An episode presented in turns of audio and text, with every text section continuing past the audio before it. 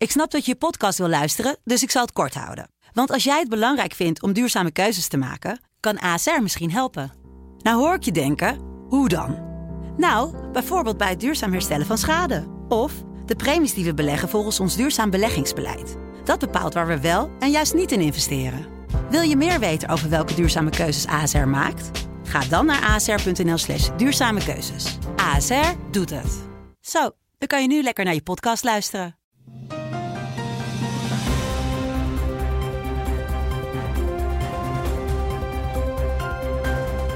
Dit is de Telegraaf podcast. Het land van Wierduk met Roel den Outer. Goeiedag, dit is de 51ste podcast in het land van Wierduk. Tegenover me zit Wiert. Ik ben Roel den Outer, invaller voor Kamran Oela.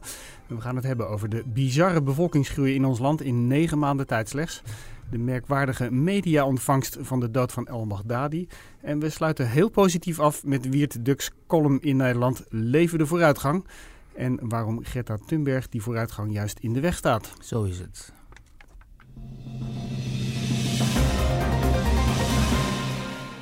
Maar we beginnen met uh, actueel nieuws. We beginnen met de blokkeervriezen. Het Hof in Leeuwarden heeft ze een taakstraf gegeven van 90 uur. Dat is uh, een strafvermindering. Ja, een aantal van hun was in hoger beroep gegaan. Hè? En ja. die worden nu allemaal, uh, krijgen ze een taakstraf van 90 uur. En dan zou je denken, nou, tel uit je winst. Want uh, bijvoorbeeld Jenny Douwes die had een uh, straf van 240 uur gekregen en een maand voorwaardelijk. En dat, uh, dat wordt nu dus verminderd. maar een aantal van die Friesen die, is, staat er toch principieel erin. Dus die gaat misschien in cassatie. ik sprak Jenny Douwes vlak voor de uitzending nog even. En ja. daar is inderdaad wel een soort van dubbel gevoel. Um, kijk, die mensen zeggen ook, ja luister, we zijn geen beroepsactivisten.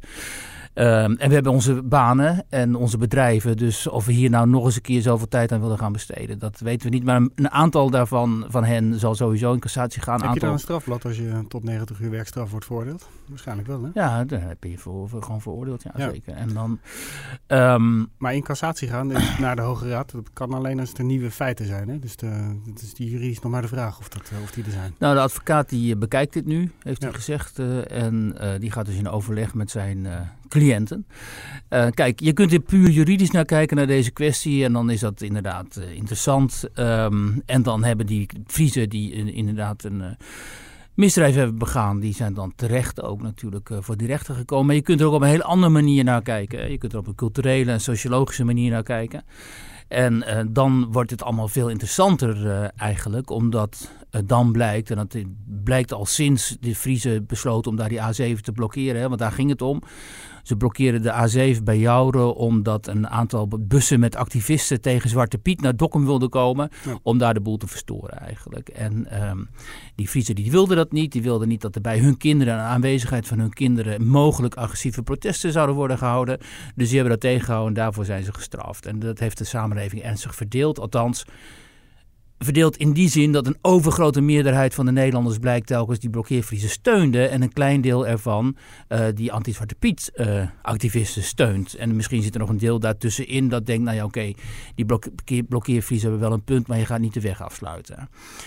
Um, het interessante is nu dus dat die, blok, dat die Friesen sindsdien eigenlijk op allerlei manieren worden gelinkt aan het protest dat op dit moment in de, in de samenleving gaande ja, is. Waar we misschien later gezet, ook nog he? over hebben. Ja. Ze hebben niet alleen een soort trend gezet, maar ze worden ook door heel veel mensen gezien als uh, zeg maar het laatste bastion dat standhoudt. Een beetje dat dorpje in Gallië van Asterix en Obelix. Ja. Dat standhoudt tegen die waanzin die, deel, he, die zich heeft meester gemaakt van onze politiek en bestuurderselite en ook wel van van uh, een ander deel van Nederland, waartegen zij zich verzetten. Dus dan zie je opeens dat die boeren uh, die ook aan het protesteren waren, met Friese vlaggen aankomen zetten. Dat in sommige delen van Nederland, hè, in, in Brabant bijvoorbeeld, maar ook elders met de Friese vlag wordt ge gezwaaid door mensen die zich verzetten tegen de uh, zoals zij dat zien in zaken het klimaat. Um, en dat, dat van, van die Friese eigenlijk um, een soort symboolwerking is uitgegaan. En um, dat is uh, niet alleen heel interessant, maar misschien ook wel gevaarlijk, omdat uh, er natuurlijk mensen zijn die zeggen: kijk. Um, die Friesen die worden wel veroordeeld als zij iets doen waar wij het in principe zelfs mee eens zijn. En allerlei andere mensen, zoals die trouwstoeten die dan hè, uh, uh, tuterend door de Randstad trekken en die af en toe ook agressief worden en zo. Daar gebeurt uh, zo weinig tegen. ook weg, hè? Precies, en dan is er altijd wel weer een rechtbankverslaggever die zegt... ja, maar dat zit heel in, anders in elkaar met die trouwstoeten. Dat moeten we heel anders zien, hè? want die blokkeren niet het recht op demonstratie... en dat is een grondrecht en zo. En dat zal allemaal wel, dat is juridisch ook zo. Maar er is ook iets als een maatschappelijk gevoel...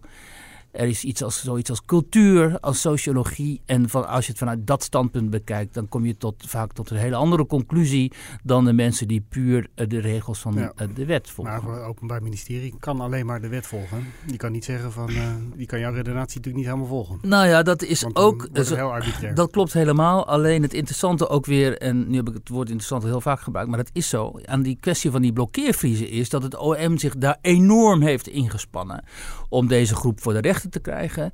Eh, ze hebben er heel veel tijd en energie in gestoken, alsof het hier ging om een groep ernstige misdadigers.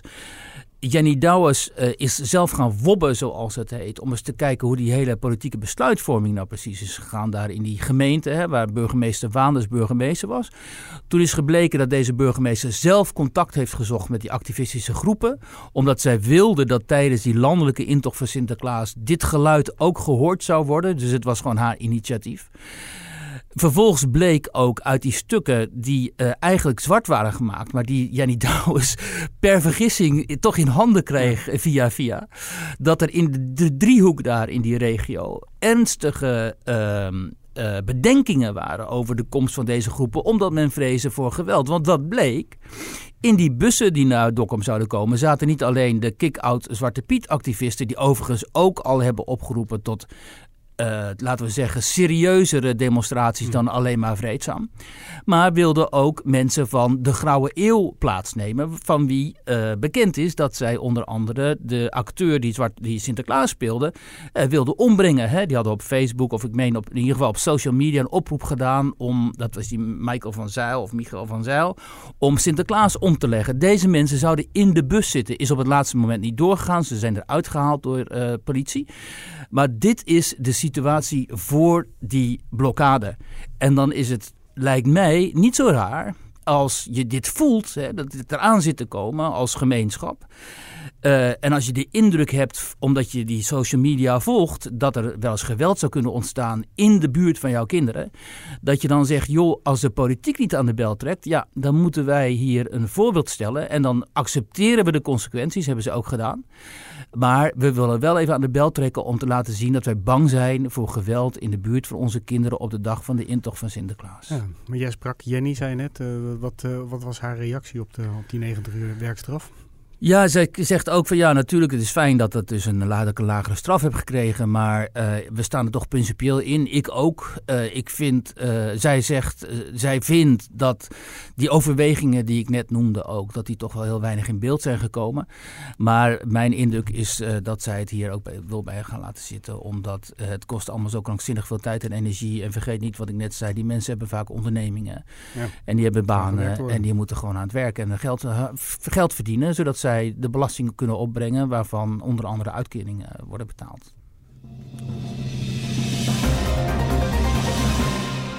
En dan, het CBS kwam met het angstaanjagende nieuws dat er in negen maanden tijd 102.000 mensen bijgekomen zijn in dit land.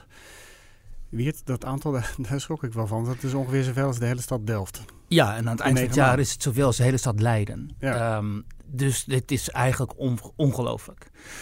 We halen nu al jaren, hè, en uh, collega Daniel van Dam heeft dit eens goed uitgezocht. Uh, met, um, en die baseert zich dan op cijfers van uh, demograaf Jan Latte. Mm -hmm. Die bij het CBS heeft gewerkt heel lang, hoogleraar, is nu met pensioen. Dus Jan Latte is nu vrijer om zich uit te spreken, ook opinierend over deze ontwikkeling. En Jan Latte die waarschuwt al een hele tijd, al een paar jaar. Hij zegt, joh, die grenzen staan gewoon open. Als we zo doorgaan, dit kunnen we, deze bevolkingsaanwas, die kunnen we helemaal niet... Um, niet aan, omdat onze bevolking zozeer verandert. Um, dat we in een heel ander, over, aan het eind van deze eeuw, in een totaal ander land uh, ja. terecht zijn gekomen. Onze nou, kinderen, kleinkinderen. Ja Uh, die zullen in een land leven als het doorgaat waarin autochtone Nederlanders uh, de minderheid vormen. He, daarvoor waarschuwt ook uh, Jan van der Beeks, antropoloog en wiskundige, die stopt dit allemaal in modellen en die komt dan ook tot allerlei hele alarmerende conclusies. Ja, voor een jaar of 50 of zo, dan is de autochtonen zijn dan in de minderheid begrepen. Juist. En um, hoe dan ook, uh, is dat een probleem. Omdat hoe ga je dan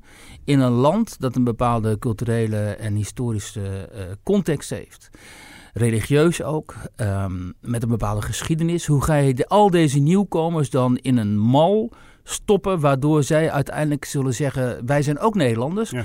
Terwijl we nu al te maken hebben met hele grote groepen Turken en Marokkanen die zeggen: ja, maar wij zijn helemaal niet Nederlander. Uh, we hebben wel een Nederlands paspoort, maar wij zijn in eerste instantie natuurlijk ne uh, Turk of uh, Marokkaan. De politiek kijkt ernaar en doet niets. Nee. Omdat ze zeggen, ja, we kunnen er niks aan doen. We zijn lid van de Europese Open Unie. Grenzen. Ja, open grenzen. Dat, ja, want dat is natuurlijk ook het verhaal. Want Daniel van Dam heeft uh, die cijfers een beetje uitgesplitst. Ik begrijp dat er heel veel Poolse supermarkten bij gaan komen de komende jaren. Want uh, Polen staat op nummer 1. 7500 nieuwe Polen erbij in uh, dit jaar. Ja, nou en nu moeten we ons over de Polen nog niet zoveel zorgen maken. Want ik, ik kom als verslaggever veel in die regio's waar Polen mm. zijn neergestreken. die zijn vaak, dat hoor je ook van de ondernemers daar, hard aan het werk. Uh, ze hebben inderdaad hun eigen infrastructuur, hè, zoals supermarkten en dergelijke. Uh, maar het is niet zo dat zij uh, voor overlast zorgen. Integendeel, uh, deels natuurlijk wel vanwege, hè, als je jonge, we hebben het vaker over gehad hier, als je jonge mannen bij elkaar in, uh, in ja. grote hoeveelheden huisvest in oude wijken, ja, dan krijg je overlast door dronkenschap en uh, andere zaken. Maar het is niet zo dat zij zorgen veel voor. Ja, Roemenen, Bulgaren komen er wel bij, ook in grote aantallen. Ja, als je het uit. Syriërs. Precies. op een gegeven moment gaan de Albaniërs erbij komen. En dan, ja. kijk, het is hoe dan ook, ook, ook redelijk positief zijn over de Polen, is het een probleem als je grote groepen mensen uit andere landen uh, naar je land haalt. En als, je, als er voor hen op den duur, um, wat nog maar de vraag is, uh, geen werk zou, zou zijn. Of, hè, kijk, de Polen zijn aan het werk, maar een heel groot deel van de, van de vluchtelingen blijkt, de statushouders, met name uit landen als Somalië, Eritrea en zo. Daar is helemaal geen werk voor. Die zijn totaal onvoorbereid op de Nederlandse arbeidsmarkt. Hebben er ook vaak helemaal geen zin in. Die komen in in ons sociaal vangnet terecht en komen daar ook niet meer uit. En ze krijgen zometeen het recht om hun uh, familie uh, ja. na te halen. Ja, dat is nu een deel van, deze, van deze toestroom ook is gebaseerd op gezinshereniging van uh, Syriërs. Um, kijk, alles goed en wel, we kunnen zeggen we leven in een moderne open samenleving en we hebben nu eenmaal te maken met deze migratiestromen. Maar het moet zo zijn dat de politiek een antwoord formuleert hierop en nadenkt over wat wij nou precies willen, wat wij nodig hebben in onze samenleving. Dat is inderdaad misschien wel jonge, hoogopgeleide mensen die allerlei ingewikkelde dingen kunnen. Dat die, zijn de Indiërs hè, die ook met grote getalen hier Precies, komen. dat zijn de Indiërs die hier zijn, die vervolgens dus weer de woningmarkt uh, verstoren voor jonge Nederlanders, omdat ja. die Indiërs vaak goed betaald krijgen en dan kunnen jonge ja. starters weer niet, autochtone starters weer niet, die woningmarkt op. Dus het, het is een veelkoppig probleem, een veelkoppig monster. Maar het kan niet zo zijn dat de politiek hier geen uh, antwoord op, althans probeert uh, te formuleren. En alles afschuift op Brussel en zaken als het Marrakesh-pact uh, en zo. Jan Latte die waarschuwt hier nu al heel lang voor. Het is misschien wel eens tijd om hem hier uit te nodigen, ook voor de pod podcast. Ja, om daar eens een special aan, aan te wijden. Omdat dit juist een van de grote uh, problemen is op dit moment in Nederland. Terwijl wij op dit moment denken juist dat het klimaat en stikstof en zo, dat dat allemaal uh, zo problematisch ja, is. 90.000 inwoners erbij, dat betekent ook weer een heleboel meer stikstof en een heleboel meer... Uh... Nou, ik meende dat Baudet zoiets zei, hè, dat ook de, die, die uitstoot, dat immigratie ook die uitstoot verhoogt, wat een feit is. Toen werd hij natuurlijk weer belachelijk ja. gemaakt, uh, ja. ook door collega's en zo, van kijk, die uh, Baudet nou alles weer eens op immigratie gooien. Maar het is natuurlijk een feit, meer inwoners, meer, meer uitstoot, dus dat is lijkt me een waarheid is een koel.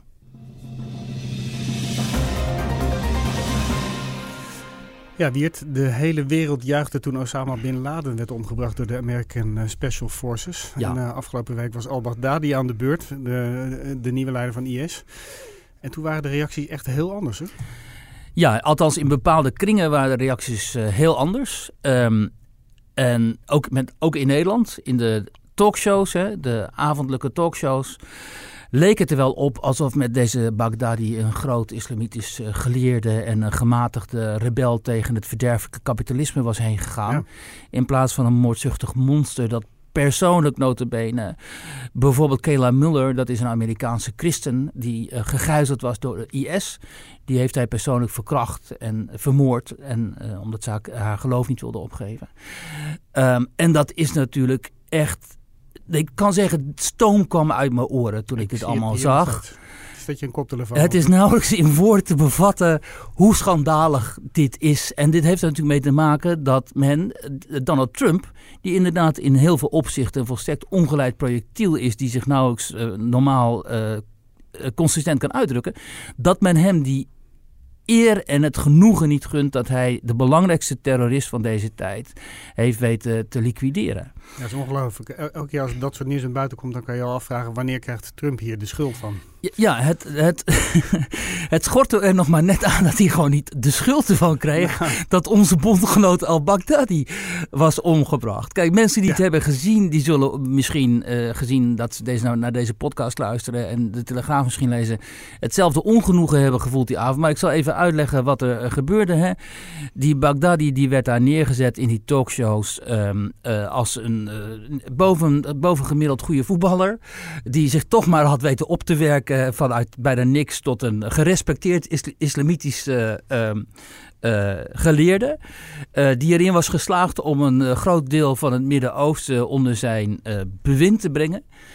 Um, de Washington Post maakt het helemaal uh, dramatisch door inderdaad echt letterlijk ongeveer dit in de kop te zetten. Hè? Uh, Baghdadi dies at 48. Terwijl nou, daar was ook heel veel ophef over. En er werden op Twitter ook ontzettend veel grapjes over gemaakt. In de trant van uh, als Hitler was gedood, dan was het dus van gemiddeld begaafd um, kunstschilder met grote liefde voor honden en blonde vrouwen.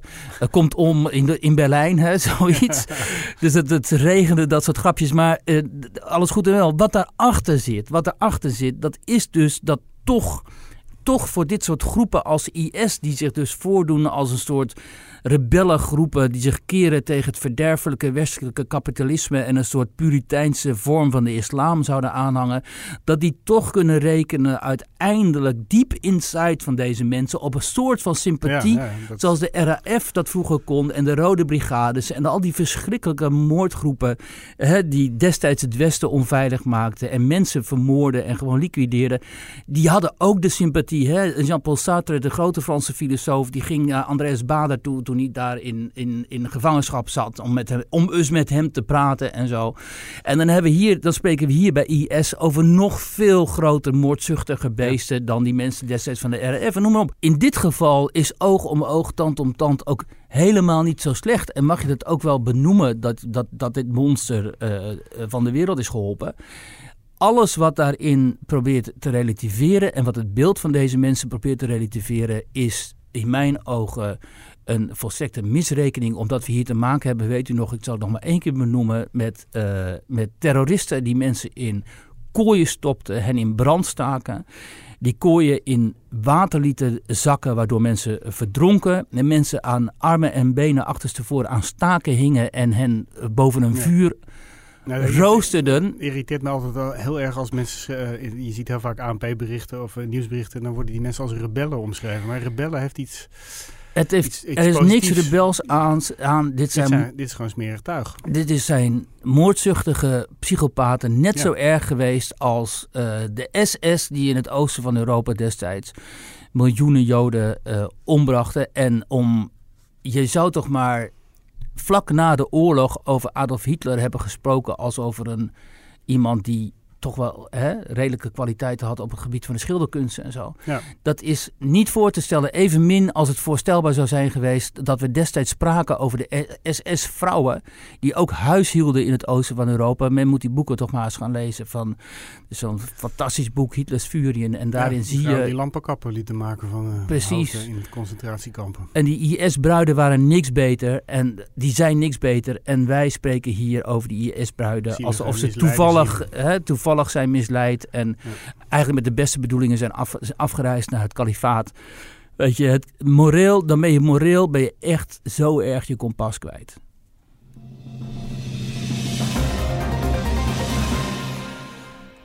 Wiert, we sluiten toch af met wat vrolijkheid. nou, een oproep tot gezond verstand. Ja, uh, je, jou, je hebt een rubriek in Nederland in de Telegraaf. En uh, vanmorgen heb jij gesproken met mensen die uh, noemen zich de revue van de vooruitgang. Ja.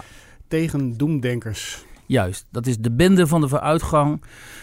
Dat is een aantal mensen, vijf mensen, die ehm, van wetenschapsjournalisten tot uh, filosofen en cultuurfilosofen. Ehm, die vinden dat wij in het Westen hier eigenlijk in Nederland ook um, in het debat verzeild raken in een soort rare vormen van doemdenken en obscurantisme. Terwijl daar wat hen betreft helemaal geen aanleiding toe is. Want ze zeggen we leven eigenlijk in de, de beste tijd ooit. we worden mondiaal gezien zelfs uh, ouder dan ooit. We zijn gezonder dan ooit. We hebben voldoende voedsel tot onze beschikking. Analfabetisme is, um, uh, is bijna uitgeroeid uh, in grote delen van de wereld. Er is, de wereld is vreedzamer dan ooit. Dat vergissen we ook nog wel eens. Of dat vergeten we ook nog wel eens. en al die enorme problemen waar we zogenaamd voor staan, zoals de klimaatverandering en zo. Daar is heel eenvoudig iets aan te doen, bijvoorbeeld door kernenergie te omhelzen. Maar zeggen zij, het probleem is dat van beide kanten, van links en ook van rechts overigens, we worden geconfronteerd met een soort romantisch, obscure gedachtegoed Um, dat ons enorm hindert om een heldere blik te krijgen op die problemen. En die blik is natuurlijk een wetenschappelijke blik. En die, dat is de blik, ook die wetenschappelijke, rationele blik, is ons, die ons zover heeft gebracht. Namelijk, hè, dan, de vooruitgang hebben we te danken aan de wetenschap en aan de technologie. Um, Even twee voorbeelden daarvan. De mensen die wij helemaal niet kennen, hè, uh, waarschijnlijk ook de luisteraars, luisteraars, van deze podcast niet. Um, uh, Frits Haber. Uh, is bijvoorbeeld degene die de kunstmest heeft uitgevonden. Um, wij weten niet hoe belangrijk dat is geweest, maar daarmee is naar schatting zijn iets van 2,7 miljard mensen gered. Ook dankzij het uh, veredelen van gewassen, wat ook een uitvinding is, zijn ook miljoenen mensen gered van de honger. Er zijn toch heel veel mensen die daar heel erg tegen zijn. Hè? Met en nu is het, doet het vreemde zich voor dat er mensen zijn, hè, die zitten dan vooral in de linkse hoek, die zijn daar tegen, tegen die modificatie van gewassen ook. Want oh oh, zometeen heb je een soort herrenvolk à la Hitler en zo. En dan heb je een soort superieur blank ras, modificeer je dan. En die gaan dan de wereld veroveren. Zo, dat, zijn, dat is allemaal onderbuik emoties. Net als op dit moment met onderbuik emoties wordt gereageerd op de op het voorstel om, als we dan zo last hebben van die klimaatverandering en van die uitstoot, om dan kernenergie eh, te gaan gebruiken, omdat dat schoon is en veilig en enorm veel efficiënter dan die zon- en windenergie waar we het nu over hebben. Dat zeggen zij ook. Je kunt, kijk, zon en wind, dat, dat, dat, dan denk je van ja, dat is natuurlijk, hè, zonnepanelen en windmolens en zo, maar er is natuurlijk helemaal niks natuurlijks aan. Ja, die zon en die wind wel, maar die techniek die je daarin neerzet is in de eerste plaats helemaal niet efficiënt. En die techniek is ook nog eens keer vervuilend. En je haalt met de, er veel minder energie mee dan met uh, die kernenergie. Maar goed, als je, het is nog altijd vloeken in de kerk.